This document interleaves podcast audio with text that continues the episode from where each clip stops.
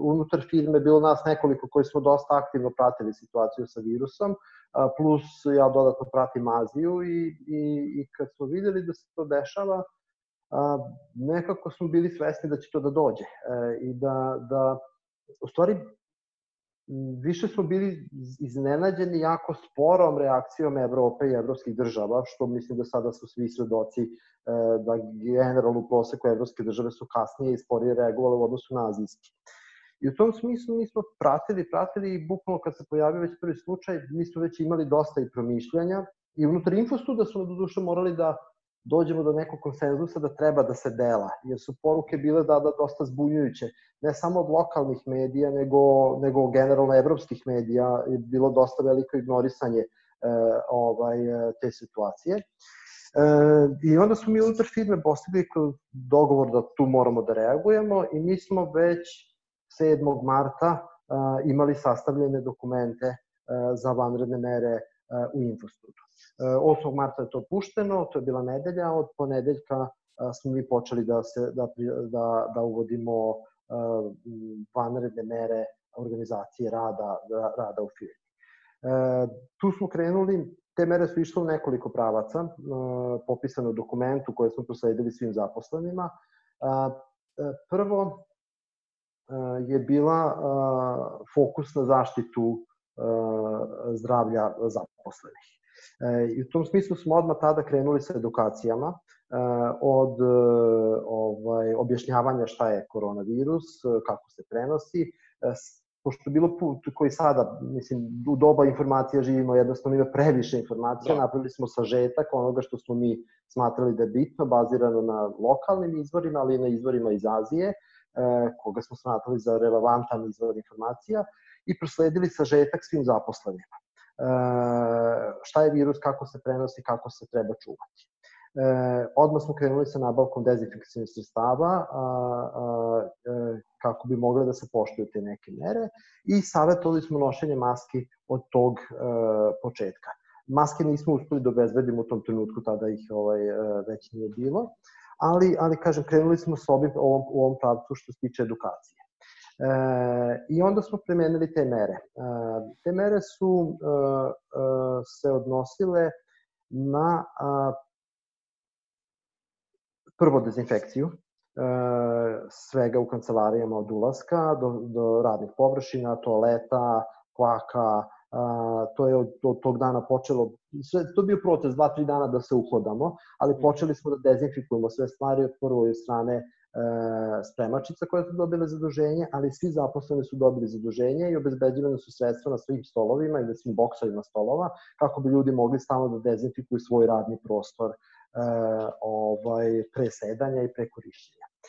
E, I odmah paralelno sa time e, su date instrukcije da e, počnemo da organizujemo rad od kuće. S tim što u startu nismo krenuli, nismo bili mi spremni da danas na sutra 200 nešto zaposlenih počne da radi od kuće, Prva mera je bila da pokušamo da se podelimo, e, da proredimo gustinu sedenja u kancelariji. Znači da mhm. pokušamo da uvedemo smenski rad, da ljudi koji mogu da rade od kuće od sutra već krenu da rade od kuće od sutra, da se smanji dolazak u kancelarije, da se organizuje smenski rad, pošto inače zbog e, delatnosti nemamo potrebe za svenskim, nego radimo od 8 do 4 mhm. ili 9 do 5, pa smo to pokušali da razbijemo na dve smene, da ljudi sede, e, ne sede blizu jedni, jedni pored drugih. Um, I onda dodatne mere u smislu organizacije sastanaka, što više sastanaka na daljinu. E, za sastanke smo sugerisali obavezno maske, makar improvizovane. To nije od starta zaživelo, ali kako smo svi počeli da shvatili ozbiljnost, onda smo krenuli da. ovaj, e, i sa maskama. E, I to je to. Tako da ta neka prva nedelja od 7. 8. mi smo potrošili da se uhodamo i te nedelje e, smo radili na organizaciji logistike Tako da kad je došlo vanredno stanje zvanično proglašeno, mi smo naše vanredno stanje već sproveli e, i, i ovaj, bili, bili u principu mm -hmm. funkcionisali. Od tada pa nadalje smo kompletno, znači 98% ljudi je e, radi od kuće, kompletno smo rešili logistiku, tehničku infrastrukturu e, i, i svi radimo od kuće e, u narednih nedelju dve posle toga još. Ok. E, hvala, Bane. E, pre nego što pređem na vladu, samo evo da kažem, svi vi koji možete želite postavite neko pitanje Banetu i vladi, imate opciju kroz Q&A, pa ćemo se potruditi da ovaj, odgovorimo na ta neka pitanja koje imate. Vlado, kako je ovaj, kod vas u firmi izgledalo ovaj, taj susret prvi sa, sa svim ovim što se dešava? Đorđe, pozdrav, Bane, pozdrav, pozdrav svima koji nas prate. E, ja se ne bih puno ovaj, e, nadovezat ću se posto, prosto na Baneta, on je puno stvari već rekao koje smo i mi odradili.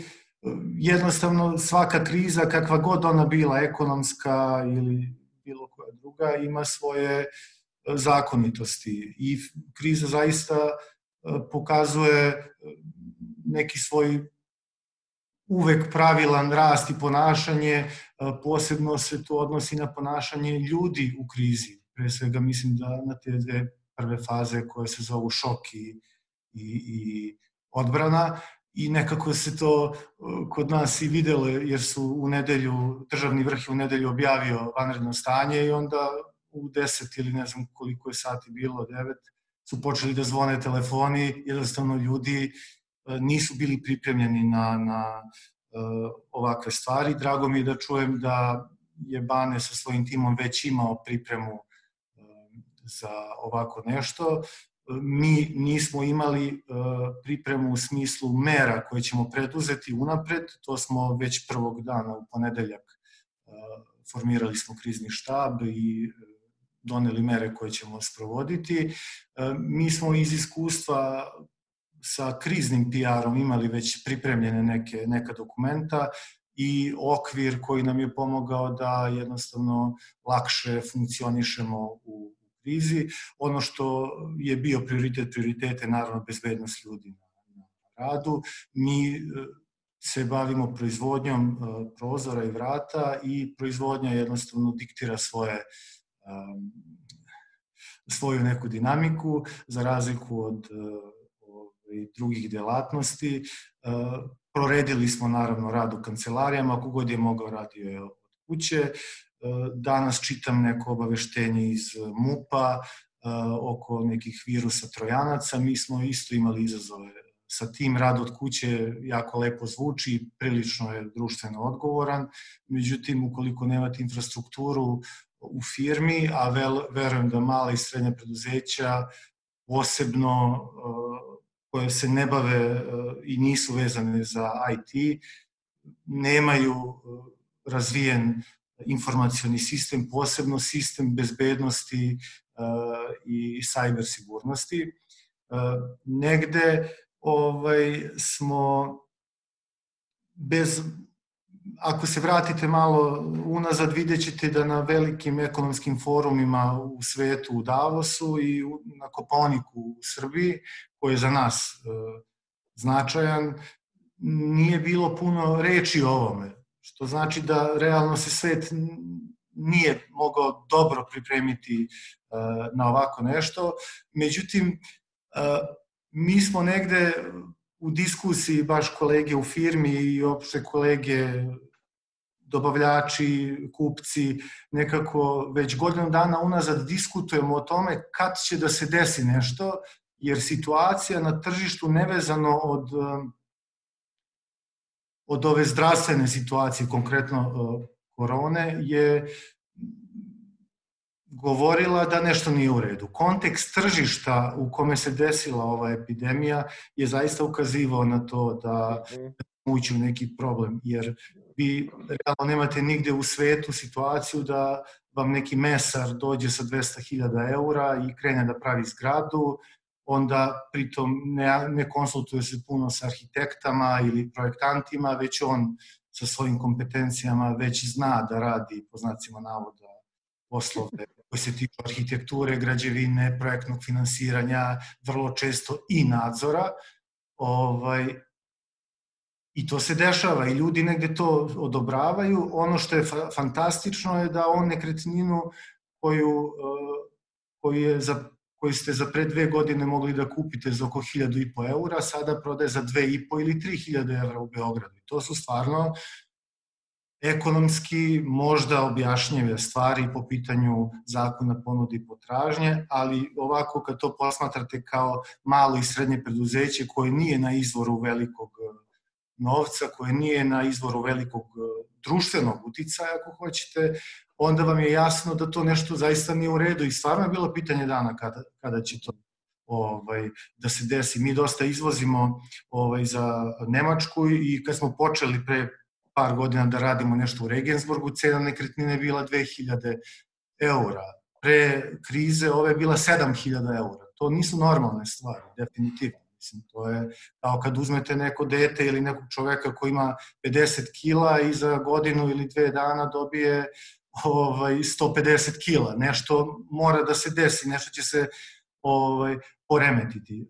U kontekstu te interne komunikacije nama je jako bilo važno da E, sprečimo bilo kakve glasine i e, širenja dezinformacija kojih je puno bilo i onda smo se odlučili da za direktnu komunikaciju sa zaposlenima. To smo radili bukvalno u početku tako što se okupimo u broju kome možemo i onda se menadžment ko u ovaj, onim starim partizanskim filmovima obrati e, svima i kaže kakva je situacija. Mi iz početka i nismo znali šta nas čeka, ali smo znali da da će ovo ovaj, potrajati neko vreme. E, kasnije smo preko workplace-a koji u firmi koristimo za, za internu komunikaciju izbacivali određene a, informacije.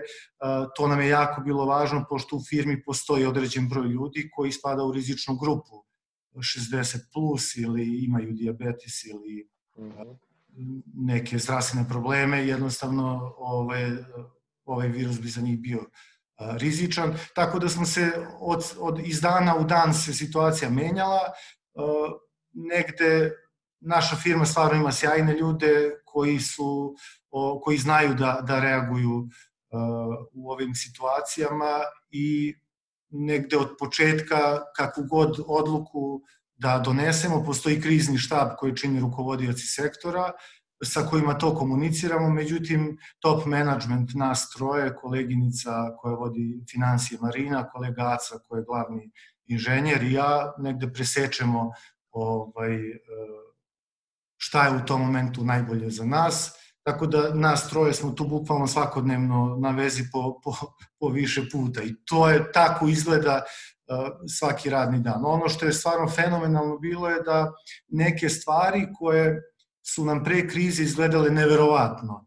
Tipa da će deca završiti školu preko televizora, odnosno uh, online, kako se to zove, ili da ćemo mi imati u firmi management meeting nas 12 ovaj, preko Zoom aplikacije, stvarno bilo nezamislivo. Međutim, lako smo i brzo usvojili i shvatili da nam je to u ovom momentu zaista neophodno. Eto, ako se nešto seti umeđu vremena, ja ću reći. Ne, nadovezat ćemo se svakako sa dosta nekih tema koje su koje okružuju uopšte sad poslovanje u, u ovakvim nekim uslovima. E, Bane, zanima me kakav je bio neki taj početni e, udar, da tako kažemo, na kompaniju što se tiče KPI-eva e, koje pratite i e, sad nakon ovog nekog vremena je li to krenulo negde da se vraća ili kako sve to izgleda kod vas trenutno? Pa, naši biznisi, e, stvari, unutar grupe imamo pet različitih biznisa, tako da e, nije, nije, nije uniformno reći, nije, nije ista reakcija bila, nije, isti, nisu na isti način pogođeni e, svi biznisi. Da kažem, najveći udarac su osetili oglasni biznisi. To su sajtovi za oglašavanje poslova, oglašavanje prodaje automobila i oglašavanje prodaje izdavljivanja nekretnina. E, znači to su takozvani marketplace sajtovi, e, ali za određene vertikale niše. I kao što možete da pretpostavite, e, nije baš trenutak da se prodaje previše kuća. E, ovaj, da. Tako da, mart mesec, tu je bila tranzicija. Znači, po inerciji su se neki poslovi završavali, ko je ušao u transakciju prodaje kuće, to se završavalo i klijenti su donekle još imali posla, ali kako je to skaliralo, pa ulazilo u zvanično vanredno stanje u državi, pa tako dalje, to sve stalo i kompletan udarac imamo znači e, već u aprila gde, gde e, su i promenjene regulative, koliko znam katastar ne radi, registracija vozila je specifična i drugačija, otežani dileri su na vrlo otežan način ili skoro nemoguće uvoze vozila, um, zapošljavanje je pogođeno na svoj specifičan način jer ova kriza e, neke delatnosti su stale kompletno kao što je gostiteljstvo i turizam, a dok neke delatnosti su u poziciji da dodatno zapošljavaju. E, tako da e, oglasi za posao, jasno je tu, tu se vidi podela da neko je, da ne, nekom je to i dalje aktuelno, čak traži dodatno, e, dodatno veći broj radnika. Mislim da je jako ilustrativan primer Amazona u Americi koji je kao posledica krize prvo zaposlio dodatnih 100.000 ljudi i sad je izašao sa novim oglasom za dodatnih 75.000 zaposlenih. E, u situaciji gde drugih 70% privrede stoji. Da, da. E, ali, e, tako da, slična je to situacija kod, na, kod ovaj, e, e ovaj, naših e, oglasnih sajtova za poslove, ali ajde da kažemo da tu neki pad posla je sigurno 70-80% u ovom trenutku u, tom nekom proseku. E, druge grupe biznisa e, osiguranje i prodaje guma, online prodaje osiguranje osiguranje.com i mhm. internet prodaje guma bolje funkcionišu zato što te stvari mogu da se završavaju i ovim okolnostima. Ljudi kupuju gume imamo pad, ali ne tako značajan pad, ljudi kupuju, koriste ovo vreme da reše neke stvari, da odrade servisiranja, ko može da projektuje svoje finansijske e, finansije u ovom trenutku i da, da može se to sebi da priušti?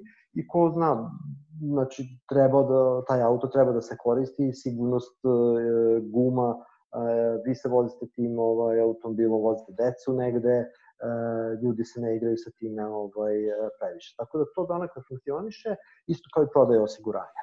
E, ovaj, ali kad se sve to sabere, e, to jeste ozbiljan finansijski udarac i svesni smo da će to u ovom prvom udarnom talasu baš da nas boli, e, ali s druge strane očekujemo da taj udarni talas ne traje previše, da, da e, kad prođe ova faza karantina, da će sve te aktivnosti da se vrate na neki nivo.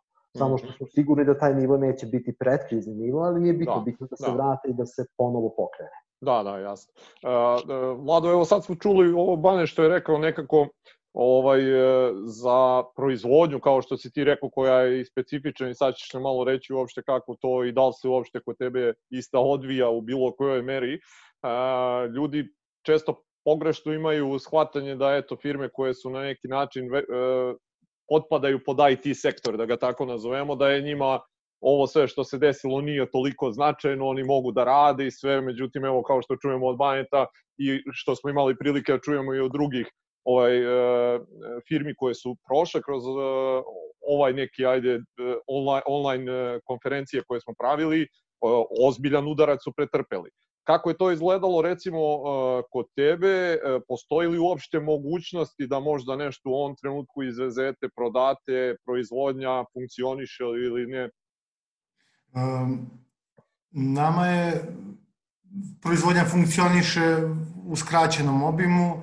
Uh, imali smo sreću da smo početkom godine ugovorili neke poslove koji se u, koje završavamo sada Izvoz je stao e, delimično zato što i oni ljudi gore funkcionišu, kad kažem gore, mi uglavnom izvozimo Austrija, Nemačka, Francuska, Norveška. Ovaj, jednostavno, svi su se nekako malo primirili, čekaju da e, šta će da bude. Proizvodnja kod nas radi skraćeno, podelili smo ljude po da kažem, po smenama, s tim što jedna smena radi jednog dana, druga smena radi drugog dana. Imali smo gotovo 10 dana pauze, ovaj, uh, jednostavno nismo, nismo radili. Uh, rad u proizvodnji u ovakvim uslovima je stvarno težak. Morate da razumete ljude koji nose maske ovaj, preko uh, lica i recimo zamislite čovjeka koji ima i naočare kao što imamo nas dvojica i onda dok diše one mu magle plus ima rukavice, to učinak proizvodnje u ovom momentu je ne možemo pričati o učinku. To je više, kako da kažem, neki privid posla se radi, koji je, moram da priznam, meni najteže pao. O, jer vi nekako puno kao onaj tip koji okreće pedale, ovaj, ali brzina okretanja pedala nije jednaka brzini uh, brzini kretanja. I to je, to je stvarno, taj privid je negde dao mali učinak, uh, međutim, s druge strane, uh, uvek pitam i, i ljude sa kojima radim i kad imamo neke edukacije, koja je razlika između sportskog tima i kompanije. I e, odgovor je da zapravo e, sportski klubovi 95% svog radnog vremena e, treniraju da bi odigrali tih 90 minuta ako je futbol u pitanju, dok mi zapravo slabo treniramo, mi igramo sve vreme tih 95%, a ako stignemo nekada ukačimo neku edukaciju, to nam je kao trening. E sada upravo ovaj, taj privid posla će nam u neku ruku biti i trening i ono što je važno eh, da, da se kaže da eh, kompanije, pričamo mi u suncu šta smo uradili, mislim da to svi treba da razmišljaju u tom smeru, je eh, da treba da inoviraju. Znači, ajde da vidimo, ajde da prvo i osnovno pitanje kakvi mi želimo da budemo kada prođe ova kriza. Mislim i na mentalno zdravlje i na fizičko, ali mislim i na tu stratešku poziciju uh, firme. Šta je to što mi što možemo da čime možemo da poboljšamo naš proizvod. Mi smo u našem timu od početka bili svesni naših nedostataka i od prvog dana smo bukvalno krenuli da ubrzano radimo na podizanju naše fleksibilnosti na jedan stvarno ovaj uh, viši nivo.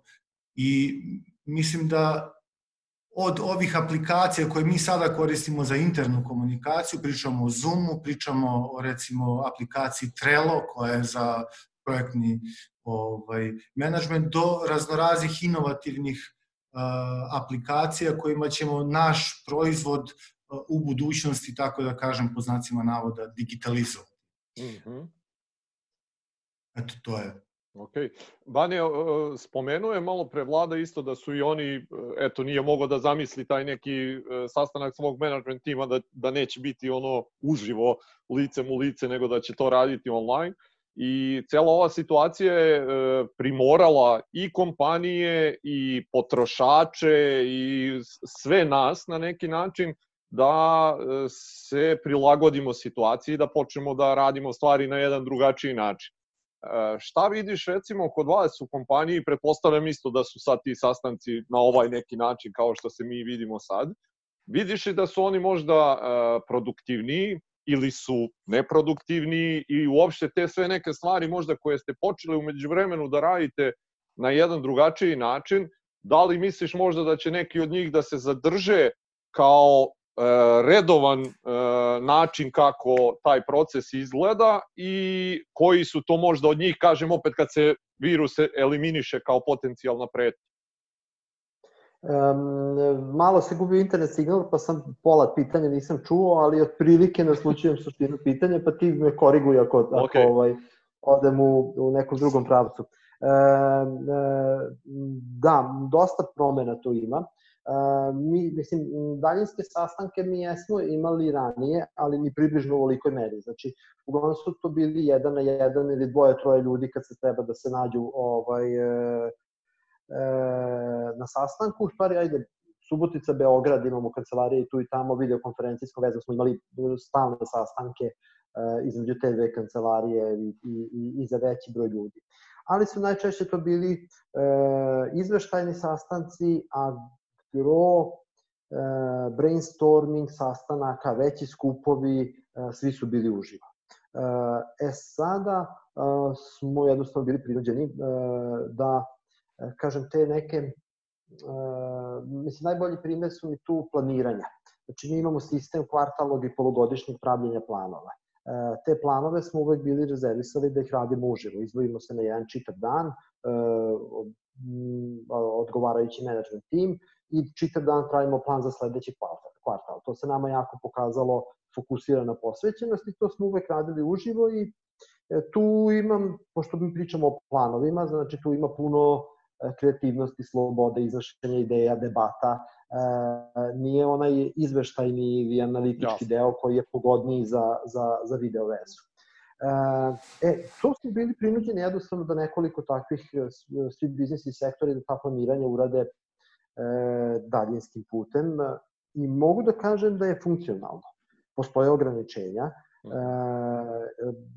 I dalje bih rekao da ukupno je za takvu vrstu sastanaka da mi je ukupno bolje da se to radi uživo, e, ovaj, ali je funkcionalno. E, e, uspeli smo da dobijemo kvalitetan rezultat e, e, i, i da napravimo sasvim solidne planove na taj način. Dinamika je drugačija, E, ljudi, bih rekao, malo više vode računa šta pričaju, ima malo manje bočnih diskusija i svega toga. Mm, vodi se redosled e, ovaj, izlaganja, jer u suprotno nastane kakofonija, znate već -hmm. kako to izgleda preko video veze. To možda malo negde ograniči određenu vrstu kreativnosti, ali uvede neki nivo reda i, i dobije se rezultat. Tako da definitivno to jeste novo otkrivenje za sve nas i sigurno da ćemo video sastanke i video vezu koristiti u višoj, u nekoj većoj meri u budućnosti. Sve ide kompletno nestane ovaj virus. E, na stranu što projekcije su takve da, da mi ćemo sa virusom verovatno da živimo e, neko duže vreme, e, dok se ne nađe vakcina ili, ili, ili ne čitav svet ne prođe kroz taj imunitet, tako da da će to biti 12 meseci ili 36 meseci, to ja ne znam i u tom nekom periodu neko povišeno stanje pripravnosti i tendencije ljudi da izbegavaju kontakte gde nisu neophodni će verovatno postojati i kada izađemo iz ovog karantinskog ovaj perioda. Tako da, e, e, ove primene, kako smo mi naučili da, da napredne stvari radimo na daljinu, e, morat ćemo da u naše biznise to implementiramo. I cilj će biti da u procesu pronalaženja kandidata zaposlenog, odnosno pronalaženja posla, u procesu kupoprodaje automobila i procesu kupoprodaje nekretnine, e, razvijemo što više alata e, koji će omogućavati da se što veći deo tog procesa obavi online.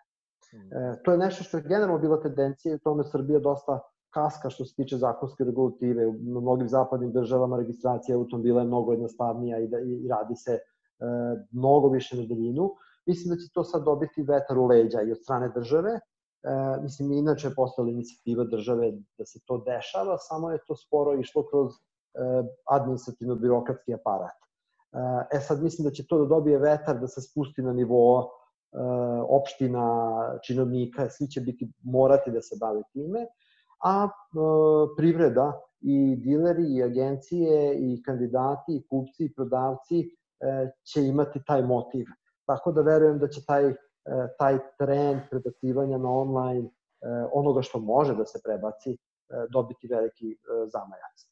I to je to. Kao što smo mi se pomerili, vidimo da to sad želimo naše biznise i naše korisnike da im omogućimo uslove da i oni tako rade. Da.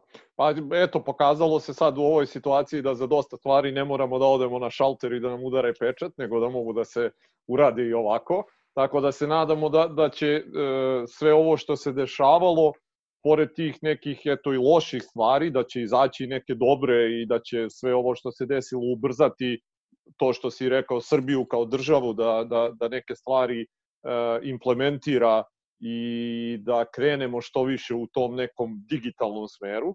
Šta ti, Vlado, možda vidiš kao sad ako govorimo o opštim trendovima, Mislim da je sad, e, Goran je baš e, Kovačević iz Gomeksa spomenuo u prošloj epizodi, oni su za nekih desetak dana razvili aplikaciju za online kupovinu. E, I ja mislim da će sad veliki broj ljudi u Srbiji, kako je ovo krenulo, e, možda i po prvi put poručiti nešto online sebi.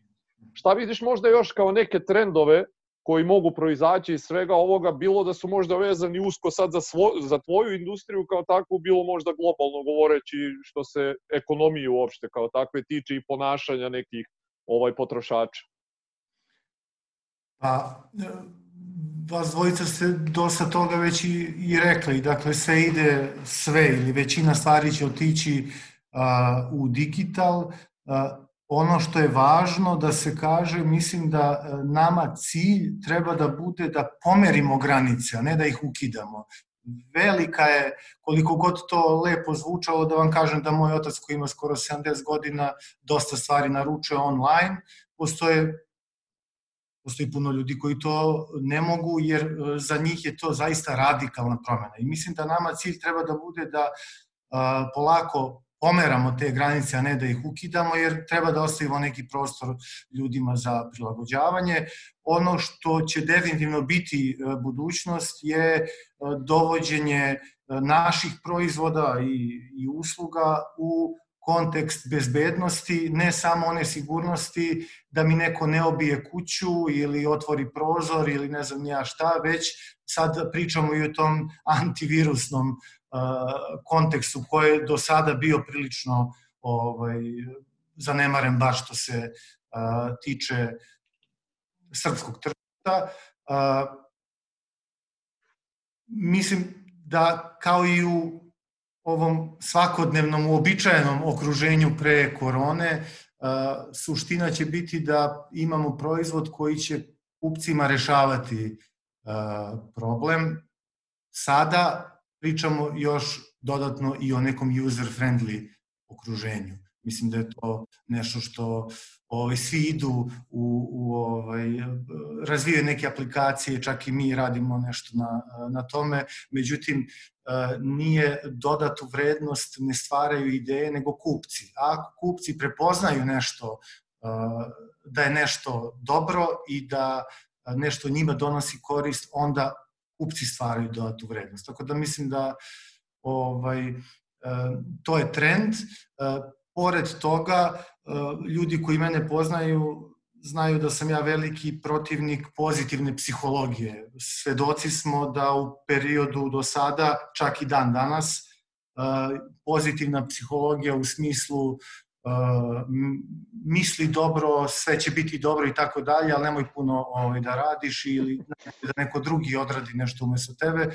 Mislim da će se i u tom kontekstu stvari promeniti. Ja ne znam, jednostavno nagađam, pretpostavljam, ali to je, ovaj, to je ono što, što imamo u ovom momentu. Diskusije tipa da li nam je čaša polupuna ili poluprazna, mislim da će otići u, u neku u, neku, u neki drugi pravac, ono što nama treba je posvećenost zapravo. Znači sve kompanije, svi menadžeri, svi ljudi na kraju krajeva, kada su posvećeni, onda će gledati napred, neće puno gledati nazad. I shodno tome mislim da uh, eto, te neke stvari, uh, dakle digitalizacija, stvaranje dodate vrednosti kroz digitalizaciju i mislim da društveno odgovorno kompanije će u narednom periodu polako zauzimati uh, ono mesto kojim pripada, to je do sada više bio neki deo uh, PR-a, uh, malo nekako neka to i nakaradno zvuči kada vi pošto poto hoćete da potencirate da ste nekom pomogli i tako dalje. Mislim da u ovom kontekstu kada je ceo svet ugrožen, društveno odgovorne kompanije sa smislom koje to rade iz zaista altruističke potrebe da, da svet bude bolji i da ljudima bude bolje, će imati uh, bolje mesto i bolju poziciju od onih koji to nisu ili to rade na neki, po znacima navoda, uh, veštački uh, način. Evo imam komentar. Da. Ovaj, e, Bane, e, zanima me sad, obzirom da ono, svi ste prešli, radite od kuće manje više, ovaj, e, iz tvog sad nekog ugla, tvoja uloga kao lidera, kako je se možda promenila ili zahtevala od tebe možda da se prilagodiš nekim stvarima i kako uopšte izgleda sad tvoj radni dan od kuće? Hmm, ovaj, prvo što da kažem, e, nismo 100% od kuće, znači mi smo ostavili, jednu kancelariju smo ostavili otvoreno, e, jer smo, mm, sve mere koje smo uveli, ta kancelarija je stvarno sigurno mesto sa svim merama dezinfekcije i dovoljno prostora između ljudi.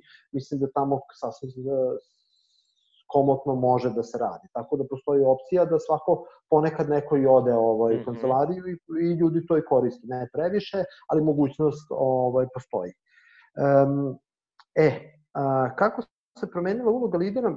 Pa imam e, ovaj, e, da prvo da kažem onaj biznis deo ovaj cela ta priča znači prioriteti su uh, drastično ovaj uh, promenjeni o ovome o ovim uh, ovom situacijom i, i ima sad puno tekstova i saveta a, ovaj, kako, se, kako se postaviti. Meni je sa jednom webinara sam čuo vrlo jednostavnu šablon koji se sastoji iz tri koraka. Prvi korak u ovoj krizi je stabilizovati se, E, posle stabilizacije e, ulazite u fazu pripreme za neko novo e, buduće vreme i kada dođe to neko novo ovaj, buduće vreme, ako ste završili pripremu na vreme, onda ide ubrzanje rada iz rasta iz ovog nekog faze polumirovanja ili, ili, ili usporenog rada. E, tako da, de facto, mi smo najveći deo vremena od početka do sada bili u fazi stabilizacije, što je u suštini akutno krizno vođenje. E, ovaj, e, business as usual je onako otišao, otišao malo, malo, malo u, u, u zapećak i tu su drugi stvari su postali prioriteti. Klasično planiranje nam je e, u smislu imamo polugodišnji kvartalni plan, pa sve to radimo, to je sve nestalo i svelo se na par definisanih prioriteta kojima se vodimo i otprilike ti prioriteti su prva stvar je to da smo veoma agilni i da brzo donosimo odluke u slavnosti sa promenama situacije. I to smo iskomunicirali svim međusobno u menadžmentu, a i svim zaposlenima. E, ovaj, u skladu sa time što se nadopunjuje sledeći prioritet nam je održan timski duh i informisanost tima. E, I mi smo uveli, e, isto kao što je vlada rekao, ovaj, vi ste i sastanke uživo zbog proizvodnje, mi smo mailom informisanost, znači svake nedelje jedan ili dva maila odu sa e, dopunom svežih informacija koje imamo i što se tiče zdravstvenog stanja, stanja u državi i što se tiče stanja organizacije rada. Kako bi ovaj, i menadžment i zaposleni bili u toku šta se, šta se dešava. Jer stvari se jako brzo dešavaju. Mislim, ako pogledate koji je danas datum... Uh, uh, 16.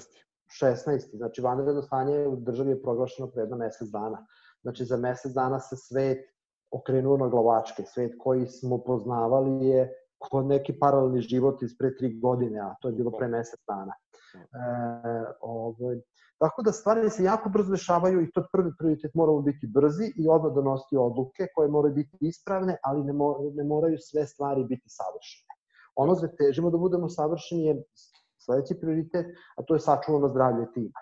Znači, tu, tu se pokušavamo da maksimalno to dignemo na najviši mogući nivo i da e, sve odluke budu podređene tome. Znači, agilni smo, sačuvamo zdravlje tima, e, e, informišemo tim i želimo da sačuvamo timski duh. I posle toga dolazi sledeća bitna stvar, a to je obezbeđena finansijska održivost grupe. E, mi moramo da sagledamo situaciju i da gledamo u onome e, e, neko je to lepo rekao ovaj u stanju nestabilnost, stanju nestabilnosti je jedna stvar, to je ovo gde se sad nalazimo, ali mi imamo i stanje nepredvidivosti, ne znamo koliko će ovo da traje i kako će to da izgleda. Znači mi sad padamo, ali ne znamo koliko ćemo da padamo i gde ćemo da padnemo i koliko će to da bude tvrd ovaj, da, pad na kraju. I u takvim okolnostima moramo opet da imamo i agilno finansijsko planiranje i da vodimo finansijske održivosti grupe, jer poenta je e, sačuvati zdravlje, sačuvati tim, ali i preživeti e, kao kompanija. E, ovaj, e, u tom smislu radimo finansijsku optimizaciju, a, radimo preraspodu resursa tamo gde možemo, mada nam iskreno to nije pokazalo puno prilika. E, I to je bio taj neki e, ovaj krizni prvi period, period stabilizacije. To smo solidno negde pokrili i sad polako već ulazimo u zadnjih nedelju dana, 10 dana, ulazimo u fazu pripreme, gde razmišljamo o prilikama koje se javljaju kao posledica ove promene na tržištu i mhm. počinjemo da hvatamo, da se pripremamo za te prilike.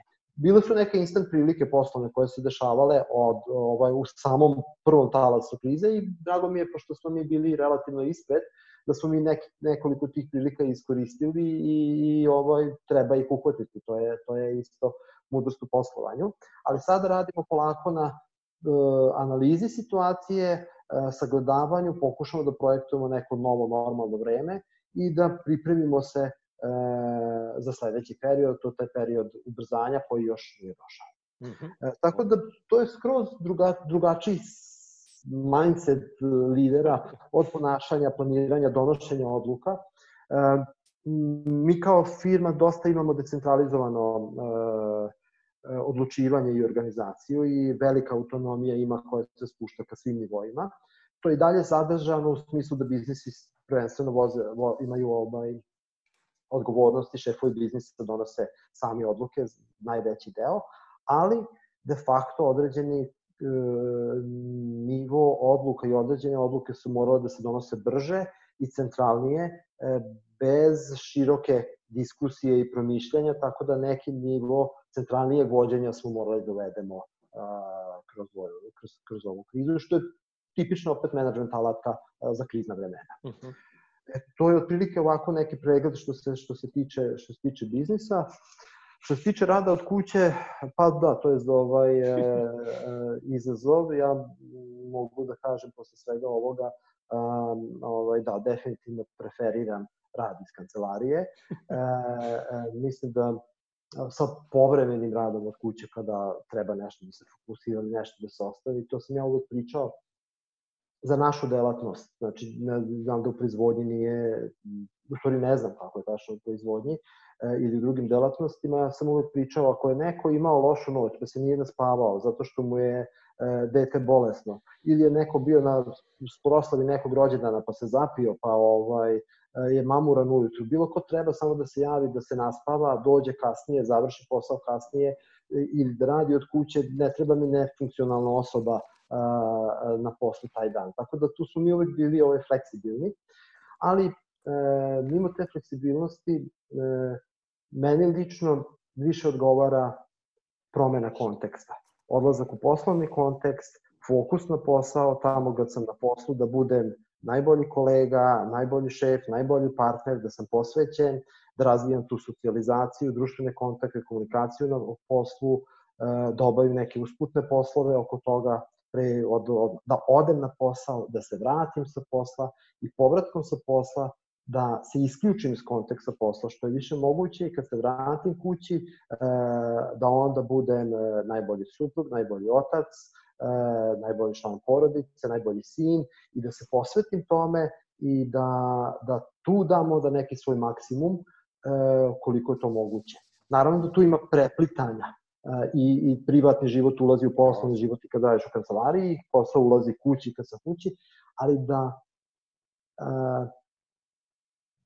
budem prisutan u tome što jesam, u što je moće moguće meri. E, ovaj, e, da kada radim, radim, kada sam kući, da sam kući. E, mm -hmm. Tako da to je me, moj neki e, zaključak posle ovog, e, moj lični zaključak, podopuštam da je ljudima drugačije, Naravno. da svako možda ima svoj e, lični afinitet, a moj lični zaključak je definitivno mm -hmm. Vlado, kod tebe ovo kako izgleda, koliko ti sad vremena provedeš recimo u kancelariji, koji deo je kući koji provedeš uključen onako u neke poslovne aktivnosti i sad kad sagledaš sve ovo da, da, da imaš, mislim, primorani smo manje više na, na ovakvu neku možda balans ili možda totalno isključenje iz kompanije. Sad kad pogledaš sa ovim iskustvom, šta bi ti možda više gledao, šta ti više prija? Da li kancelarija, kao što je Bane rekao, ili možda i ovo isključenje da možeš da radiš iz svoje kuće sve? Prvo, da se vratim na kontekst. Mi smo porodična firma i moja supruga takođe radi u, u firmi i to je dosta uticalo na, na našu odluku da ona bude više kod kuće sa decom i kad je potrebno da se uključi od kuće, a ja sam bukvalno svaki dan kada radimo u firmi od 7 do, do, do 4, tako da slažem se sa, sa Banetom da jeste to i pitanje što kaže preferencija i afiniteta i šta ko voli i šta kome odgovara. Definitivno rad od kuće ima svoje izazove, baš sam pričao sa, sa ljudima koji to rade, radeći za strance u nekim programerskim kompanijama, da kada si ti kod kuće, ti si na radnom mestu, samo što tvoj ofis nije, e, nije u poslovnoj zgradi, nego je u tvojoj kući, a da ljudi to vrlo često e, rodbina i komši ne shvataju, oni misle da si ti njima tu na, na, na dohvat e, ruke. Mislim da i u tome, kao i u svemu, postojanje nekog plana je zaista od presudne važnosti, da smo mi negde tu kao ne mislim na nas kao narod, nego na cijelo okruženje, da jednostavno nismo generacijski naučili da kako treba da, da planiramo, samim tim što gomila firmi da, da nas nema taj krizni, uh, krizni uh, plan. I planiranje jednostavno lakšava uh, funkcionisanje i to je, usudio bih se da kažem da je preko 60% dobro obavljenog posla dobar plan, možda čak i više. Mhm. Ove, što se tiče e, drugih kolega koji rade ovaj, e, od kuće, tu je gomila nekih e, alata za, za komunikaciju. Mi uglavnom smo svi na Skype-u, ali neko koristi Viber, ovaj, kolege koje rade u Nemačkoj više koriste WhatsApp, pa je tako ta raslojenost komunikacijskih alata ponekad teško da, da pohvatate plus SMS-ovi, plus uh, Uh, e-mail uh, kao, kao alat, znaju malo da, da stvaraju uh, da stvaraju konfuziju u glavi. A pre, ovaj, što još nešto kažem, Bane rekao da je, i to mi se svidjelo, da je ovo sad jedan novi mindset. Mi, pošto izvozimo, nećete verovati, za Australiju i tamo imamo ovaj, jednog kupca i u razgovoru sa njim ovaj, smo došli do do nekog zapažanja da on sada svoj neki proizvod koji se zove građevinska skela prodaje za dolar po kvadratu, a pre krize ga je prodavao za 2 dolara po kvadratu. Pa će to statistički da dođe duplo, duplo manje. Ovaj, onda kroz neki razgovor smo došli, da kažem, pa to je baš veliki pad, a on kaže, Pa jeste pad, ali kad sam, pre nego sam ga prodavao za 2 dolara po kvadratu, cena je bila e, manje od 1 dolara, što znači da sam ja godinama unazad prodavao to iznad neke tržišne cene. I sad bih stvarno pozvao sve da razmislimo o tome e, kako mi svi bismo da se vratimo na to neko stanje e, pre korone koje mi sada podrazumevamo kao neko defaultno stanje. To je nešto što nama odgovara, a ja bih rekao da je to stvarno neki jedna ekstremna situacija u odnosu na regularnu situaciju na, na tržištu, bar ja sam u firmi preko 15 godina, zaista zadnje dve, tri godine su bile fenomenalne što se tiče i poslova i KPI-eva i raznoraznih rezultata. Međutim, pitanje je zaista da li je to jedan uobičajen način rada ili možda ovaj, ovo što je Bane rekao da je to drugačiji mindset, možda je ovo baš pravi mindset koji nama treba. Znači jedna fokusiranost na ne toliko na rezultate koliko na ljude i na efikasnost. Da mi u našem poslu treba da budemo što brži i što bolji i da zapravo krizne situacije jesu sjajna prilika za za sprovođenje e, takvih stvari, jer recimo kod nas je to pravilo da mi ne pokušavamo ništa, jer pokušaj e, sam po sebi nosi neuspeh mhm. sa sobom, mi odmah delamo. Znači tu i sad krizne situacije jesu te u kome vi nemate puno e, po znacima navoda procedura, demokratije, ovo što smo rekli, kakofonije na sastanku, nego ovo smo se dogovorili, procenili smo da ovo najbolje, ajmo sada da to sprovedemo. I eto, s tim u vezi bih rekao da je možda ovakve situacije koje s vremena na vreme dođu, Setite se da smo imali 2008. i 2009. veliku krizu finansijsku, pa 99. jednu drugu, pa 90-ih neku treću, pa 80-ih u staroj Jugoslaviji drugu krizu finansijsku, ovaj, tako da su to ciklusi koji se ponavljaju i to treba prihvatiti kao tako. I mi zapravo ceo naš poslovni e, poduhvat treba da, ne treba da, da stremimo samo tome da ćemo imati uvek najbolje rezultate, pošto si postavio malo pre pitanje oko KPI-eva. E, mi smo bukvalno treći dan ili četvrti dan seli, nas troje i napravili smo najgori mogući scenarij koji može da nas zadesi posle, uh, posle korone. Mhm. Rekli smo, ok, u najgorem slučaju april nećemo raditi, ovaj, drugi kvartal će nam biti katastrofalan, ali smo i napravili plan koji bi, koji bi mogao da odgovori pozitivno na, na i na taj najgori scenariju. I mogu da vam kažem da je to meni lično, a vidim i kolegama kasnije, dao, dalo jednu dozu izvesnosti koju mi nemamo u početku kada se kriza desi, mi ulazimo u te panične ovaj, uh, panična stanja, šta ćemo, kako ćemo. Uh, setite se samo Viber grupa.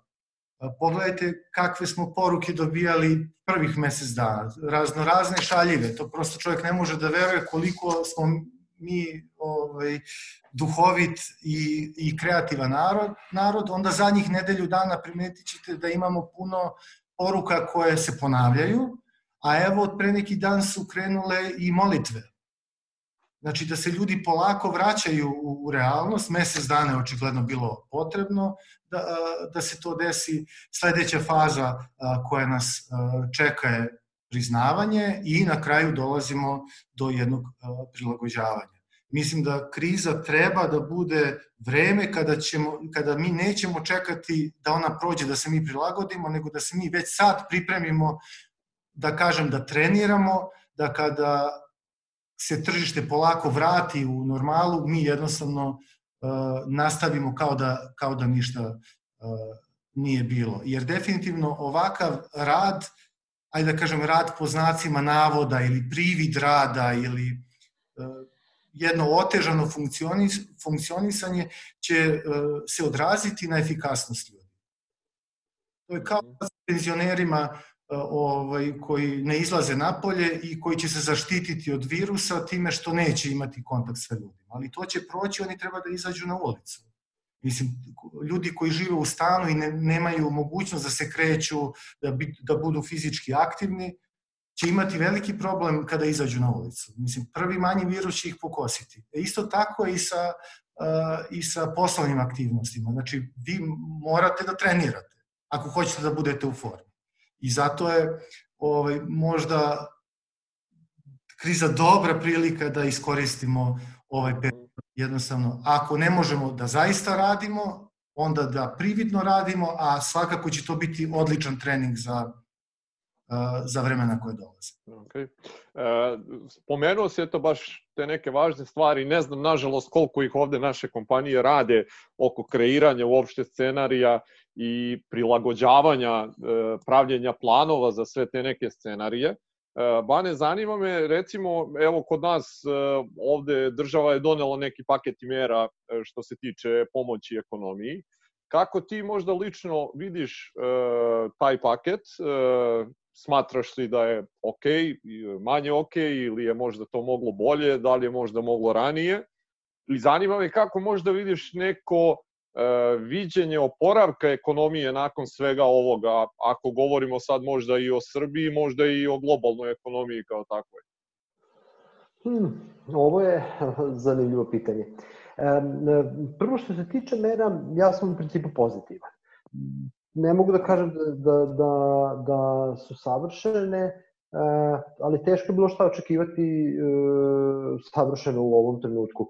E, nepredvidiva je situacija, teška je, mi nismo bogata zemlja, nismo do kraja urađena zemlja, a ovo će predstavljati ozbiljan izazov i za mnogo uređenije i bogatije zemlje.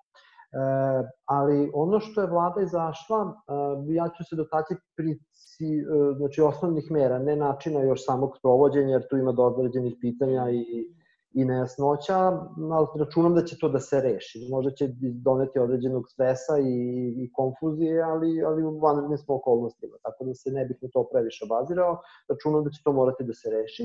E, mere su, deluju mi solidno zaokružene e, dotiču razne, razne ovaj, aspekte i verujem da će predstavljati pomoć e, velikom broju entiteta. Neće rešiti e, sve probleme i sigurno će biti preduzeće koje će propasti kao posledica ovoga, jer, jer mislim, jedna stvar je, otvara ono sledeće pitanje, ta buduća kriza, jedna stvar je ovo akutno mesec, dva dana, što mi sad nećemo raditi, tri meseca, kao god to izgleda, ili ćemo raditi jako niskom intenzitetu, ali ekonomska kriza koja će posle doći e, će biti mala, srednja ili velika, to još ne znamo tačno, ali će biti. Mm. I kad se sve to upari, tu će biti sigurno preduzeća ovaj, koje će propasti. Država mislim da je dobro, sasvim solidno reagovala, znači od e, pomoći za plate, e, odlaganje doprinosa, krediti za likvidnost, čak i ovih 100 eura građanstvu koja je dosta diskutovana mera, ne mogu da, da budem ovaj, e, ovaj, da se pravim da sam pametniji ekspert od, od svih, ali meni deluje da to može da, ako se podeli na kraju krize, to će upumpati u potrošnju nešto, uh, nemalo količinu para koja će opet da ode u, u, u kupovinu stvari, tako da može da da neki zamajac. Uh, ovaj, eto, mogu da zamislim i, ko, da, da se tu kritikuje. Uh, ali, ali kažem, vrlo sam pozitivan. Uh, šta mislim da je dosta bitno naglasiti, bio bih sretan kad se vlada ne bi previše zaduživalo u inostranstvu, jer ono što gledamo mere drugih država u inostranstvu je da E, to su ogromni paketi pomoći koje se obećavaju u Evropskoj uniji, Sjednoj američkoj državi. Znači, svi oni će da štampaju, da, da primene taj quantitative easing, odnosno izdavanje tih obveznice, kako to već ide, ili čak bukvalno i da štampaju novac. E, I mislim da, da mi ne treba, da treba da koristimo slične metode kontrolisano, zato što će verovatno ući u određen deflacijani period, i verovatno će morati se delimično zadužiti napolje, ali mislim da nije dobar trenutak da se previše zadužujemo napolje e, za veliku količinu e, naštampanog novca. E, jer i taj euro i taj dolar će sada bude jako štampan i iznešen u veliku da. količinu na tržište. Tako da mislim da bi poku, trebalo da pokuša vlada da uradi dosta toga a, e, kroz interne resurse a, e, i zaduživanje i funkcionisanje domaćem tržištu. To bi recimo moja nada bila.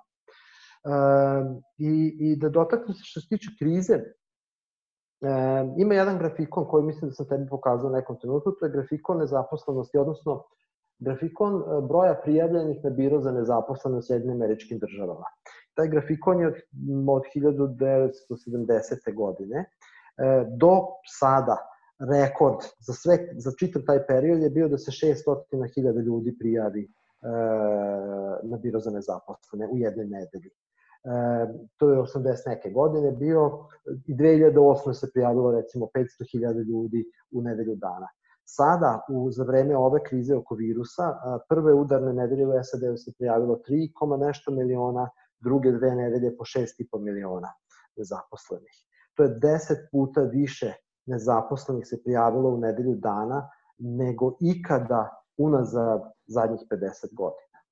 E, I kad sam jednom kolegi pokazao taj grafikon, taj skok na desnoj ivici grafikona, on je mislio da je to ivica grafikona. Uopšte nije precipirao tu krivu koja tako naglo skače 10 puta u odnosu na neki, znači imate relativno neke da, da. uspone padove, ovo ono, i onda imate ovakav skok, 10 puta. Bukvalno je mislio da to i ograda grafikona. E, ovaj, e, to je trenutno stanje. I sad, meni, kako će to da se reši? Da li će to samo od sebe nekako, pošto prođe virus, zatvoreno je, ne znam, neko je pustio u velikom lancu restoran 45.000 ljudi, hoće ti svih 45.000 ljudi odmah da se vrate na posao, pa će to sve nekako relativno brzo da proradi, ili će se umesto 45.000 ljudi vratiti 20.000 ljudi na posao, a 25.000 ostati negde na ulici. Pa to ako se preluje u, u onda klasičnu ekonomsku krizu, to može da bude dosta dugotrajno i dosta veliko. E, svetske među ove konsultantske kuće projektuju da će to biti najveća kriza od depresije, od velike depresije. Da li će to tako biti, ja ne umem, ne, ne znam, ne, ne, ne, ne osjećam se sigurno da tvrdim da će biti tako velika kriza, možda bude i nešto lakše zato što je veštački izazvana virusom, ali sigurno će biti neka kriza i to ćemo osetiti svi i u Evropi, i u svetu i, i mi u Srbiji. Ok. E, Vlado, kako je tvoje e, razmišljanje o svemu ovom? I o merama i o ekonomiji nakon svega ovoga? Ovo Bane što je rekao, postoje različiti scenari koje su ovaj velike konsultantske kuće radile od e, mogućnosti da imamo onako kao slovo V, latinično sa naglim oporavkom, da to možda bude slovo U, dakle da imamo jedan period stagnacije i ono što bi najgore bilo da bude slovo L, pa da to traje u nedogled. Kako ti vidiš možda, ovaj, eto prvo i ti da se dotakneš ovih mera, kako ih ti vidiš iz e, svog ugla što se Srbije tiče, i onda možda neki osvrt šta misliš da je najrealniji neki scenario nakon svega ovoga? Pa ja nisam stvarno makroekonomista i vrlo malo se trudim da, da, da dajem bilo kakve prognoze, jednostavno ne, ne bih umeo to da uradim na neki smislen način. E, definitivno reći ću vezano za mere da su one dobre, da, kako da kažem, s obzirom da su i očekivanja privrede i to nepoverenje koje vlada između privrede i države od uvek bilo na jednom dakle, razarajućem nivou, kada vi ne očekujete puno, onda kada stigne, onda je to svakako i bolje od onoga što ste očekivali. Mislim da je to da je to dobro. Mislim, nemoguće da, da vi očekujete da imamo ekonomski zamajac bez potrošnje. Definitivno puno firmi će uh, i kad prođe ove mere otpuštati uh, zaposlene, će potražnja na, na globalnom nivou nekako da, da pada. Ako Nemačka ide oko 5% u recesiju, pitanje velika Nemačka, zamislite kako će to da, da se odrazi na, na ostale evropske zemlje, da ne pričamo Amerika i ovaj, Indija, Kina i ostalo. E, ono što bih rekao za, za ove mere, one, jest, to su, one su kao lekovi.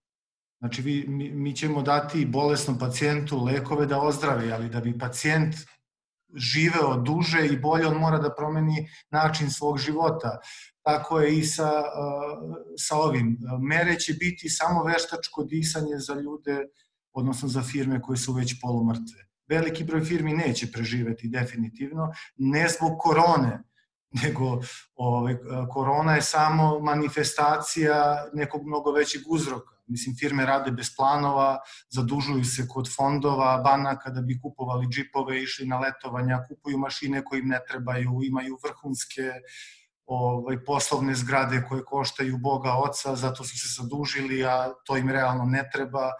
A, firme slabo ulažu u edukaciju i negde kada radite u takvom okruženju vama 100 evra po zaposlenom, e, po građaninu ili e, ovi 30.000 po zaposlenom će samo kratkoročno pomoći i još će vam prolongirati taj kraj koji će biti, ne znam, u vidu kog slova, ali mislim da je važno da, da budemo svesni toga. Znači, mi jesmo mala zemlja, mala privreda, oslonjeni smo na, e, na velike Eh, investitore koji dolaze iz Italije, Nemačke i zemalja Beneluxa i to je možda naša šansa. Takođe mislim da je naša šansa upravo to što smo mi mali i čak i e, efekte ekonomske krize 2008. smo osetili odloženo u jednom manjem ovaj, u jednom manjem intenzitetu. Ovo nas sigurno neće zaobići mislim da je ključno pitanje nama kao kompaniji je mere su značajne. E, mislim da bismo mogli, zahvaljujući bankarskoj e, podršci, odnosno zajmovima, isto tako da ih prevaziđemo, ali bez obzira moramo da se prestrukturiramo. Ono što bi nama bilo neophodno, to će se desiti recimo na, na tržištu u građevinskoj industriji to da će sada veliki broj firmi iz Turske, iz Bugarske, Rumunije i Kine da nagrnu ovamo. Pitanje je da li se to može iskontrolisati, ovaj, da firme koje imaju kapaciteta i resursa da mogu da odgovore na i onako smanjenu tražnju koja će biti e, posle ovoga. Jer vi ako uzmete, ako neko neće otpustiti čoveka zaposlenog, on će mu možda smanjiti platu. Kad vi nekom smanjite platu, onda je pitanje koliko će on zaista trošiti na te kapitalne stvari koje pokreću, uh, pokreću uh, ekonomiju. Eto, to je... Mm -hmm, okay. Mi, mislim da e, obojica ste već ono i preživeli ovu krizu veliku koju si ti Vlado malo pre spomenuo, Bani isto sa svojom firmom e, je svašta preturio preko glave. E, obzirom da evo bližimo se e, kraju razgovora, već pričamo sat i 10 minuta, vreme leti ovako, ja bih mogao, ozna koliko nego moram da se okrenem i na vaše neko vreme i obaveze koje imate. Ovaj, E, činjenica je ovo što je vlada rekao, bit će potrebno sagledati stvari iz drugih uglova, prilagoditi se svetu koji nas očekuje, koji sigurno neće biti onakvim kakvim se sećamo od pre mesec dana i što je činjenica da svaka kriza sa sobom nosi i neke šanse i ovo što je vlada rekao firme koje će nestati za ove za vreme ove krize verovatno su i e, zaslužile, da to tako kažemo, koliko to možda god surovo bilo ili ne. E, Bane, e, voleo bih evo tvoju možda neku završnu poruku e, za sve koji nas prate. E, prati nas dosta ljudi isto koji nisu, kojima su ovo prve krize i koje su možda sve ovo doživeli na jedan način i kataklizme i, i razumljivo je firmama koje su mlade, koje i nemaju zalihe, možda ni finansijske, ni znanja, neka koja su potrebna, je sve ovo delovalo kataklizmično i kao kraj sveta. Međutim, činjenica je da to nije tako.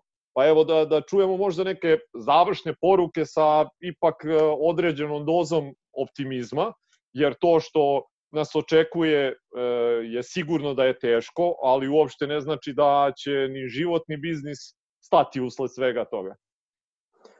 Pa, mislim, sve ovo će jednog dana biti juče. juče. E, to će da prođe e, i idemo dalje. E, I, i mislim da, da treba razmišljati šta su konkretne stvari što čovek može da uradi i šta su stvari koje su u njegovoj zoni uticaja.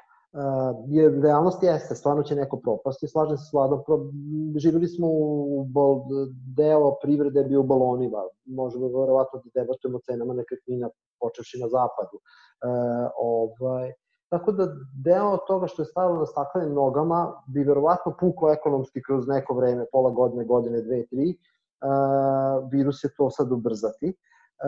Ovaj, I to će se promeniti. Promeniti se e, ovaj, promeniti se određene industrije. I tu će isto biti, nažalost, i ovaj, posledica koje možda nisu na staklenim nogama. Turizam će verovatno da pretrpi dosta. Neće tako lako da se vrati dok god je virus tu, međunarodni turizam. Manji broj ljudi će se odlučiti da putuje na more u Španiju da rizikuje da pokupi virus. Čim manji broj ljudi puto, bude putovao kao, kao što se tiče potrošnje, cene letova će biti skuplje cene smeštaja će biti skuplje. Sve će to da vuče e, u negativnom pravcu određene industrije i ne možemo da gledamo samo optimistički. Tako da, verujem da ulazimo u težak period, e, ali sve će to da prođe. E, realno svako treba da sagleda, da bude ne laže sam sebe, e, da ne laže svoje okruženje, počeši od e, porodice pa do zaposlenih i, i, i poslovnog okruženja, treba biti realan, ne pesimističan, e, e, namerno odmeren. E, sam čitao u jednom McKinsey-evom izveštaju da je, da je ovaj, opis kako se sada treba ponašati, svesno i namerno odmeren, ne treba širiti defetizam jer će to da prođe, ali ne treba ni hiperoptimizam jer nema osnova za tako nešto treba sagledati koje su realne okolnosti i koje su mogućnosti da se pripremimo za, te, za to nešto dalje.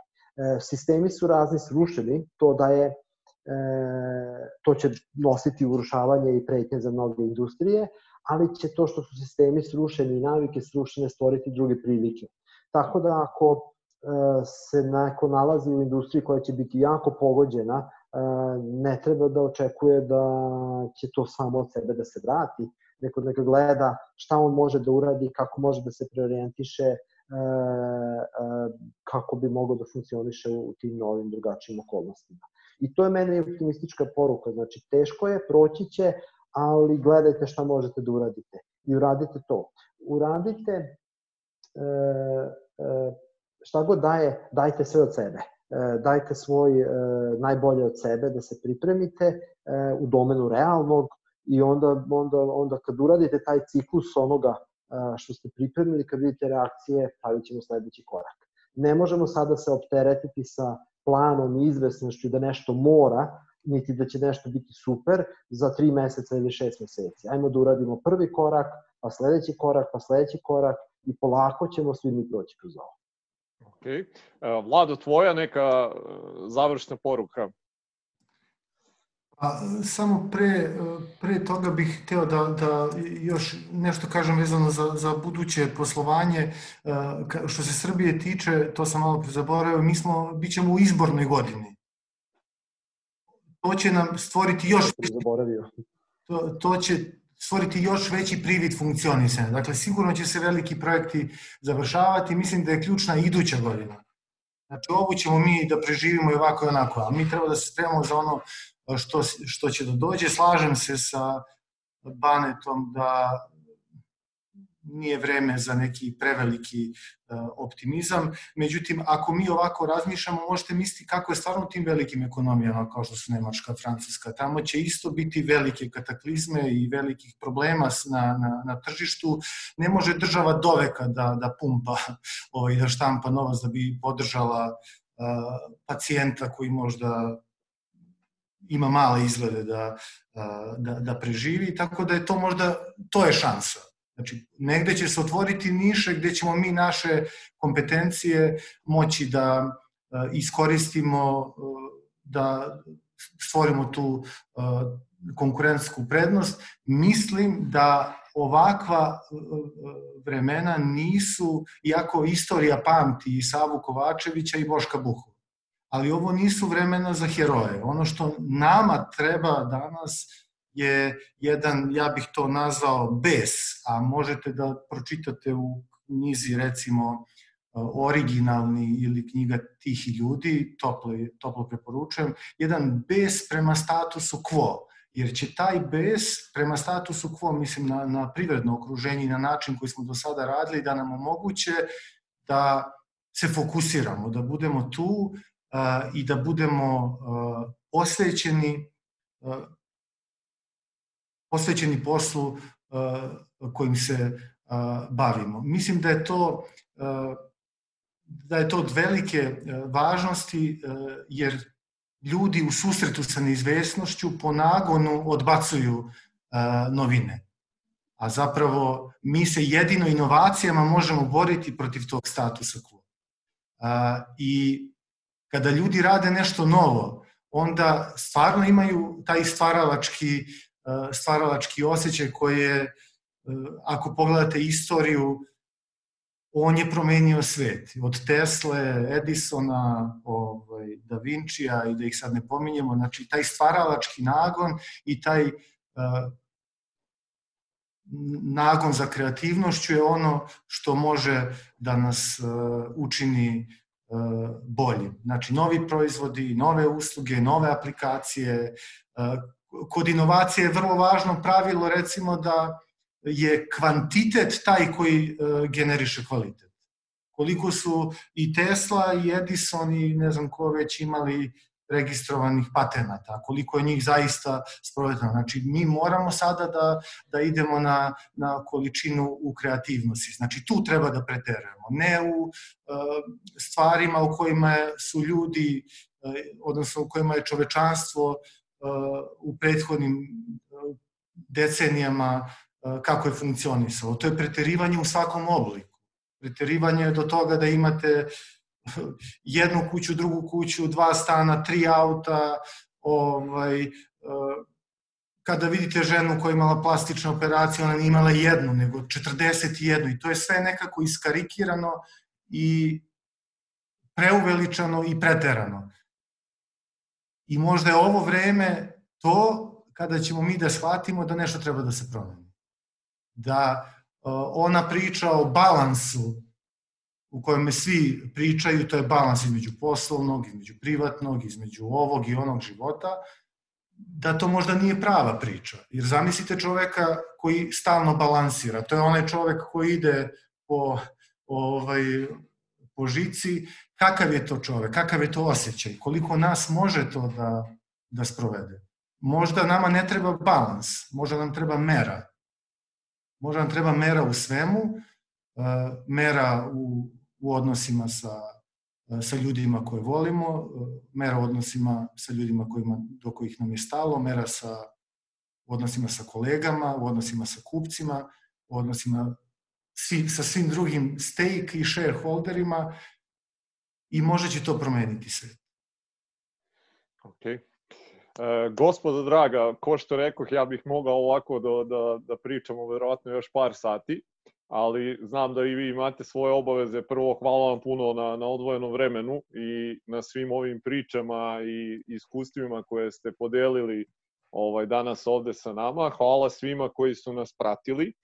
E, želim vam puno e, zdravlja najpre, čuvajte se, vojite računa o sebi, o svojim porodicama, o svojim e, kompanijama, organizacijama. E, ostanite kod kuće i jedva čekam da se vidimo ponovo uživo, a nadamo se svi da će to biti uskoro. E, pozdrav još jednom svima i hvala puno za, za sve. Prijatno. Pozdrav, prijatno. Pozdrav. Ćao, čao.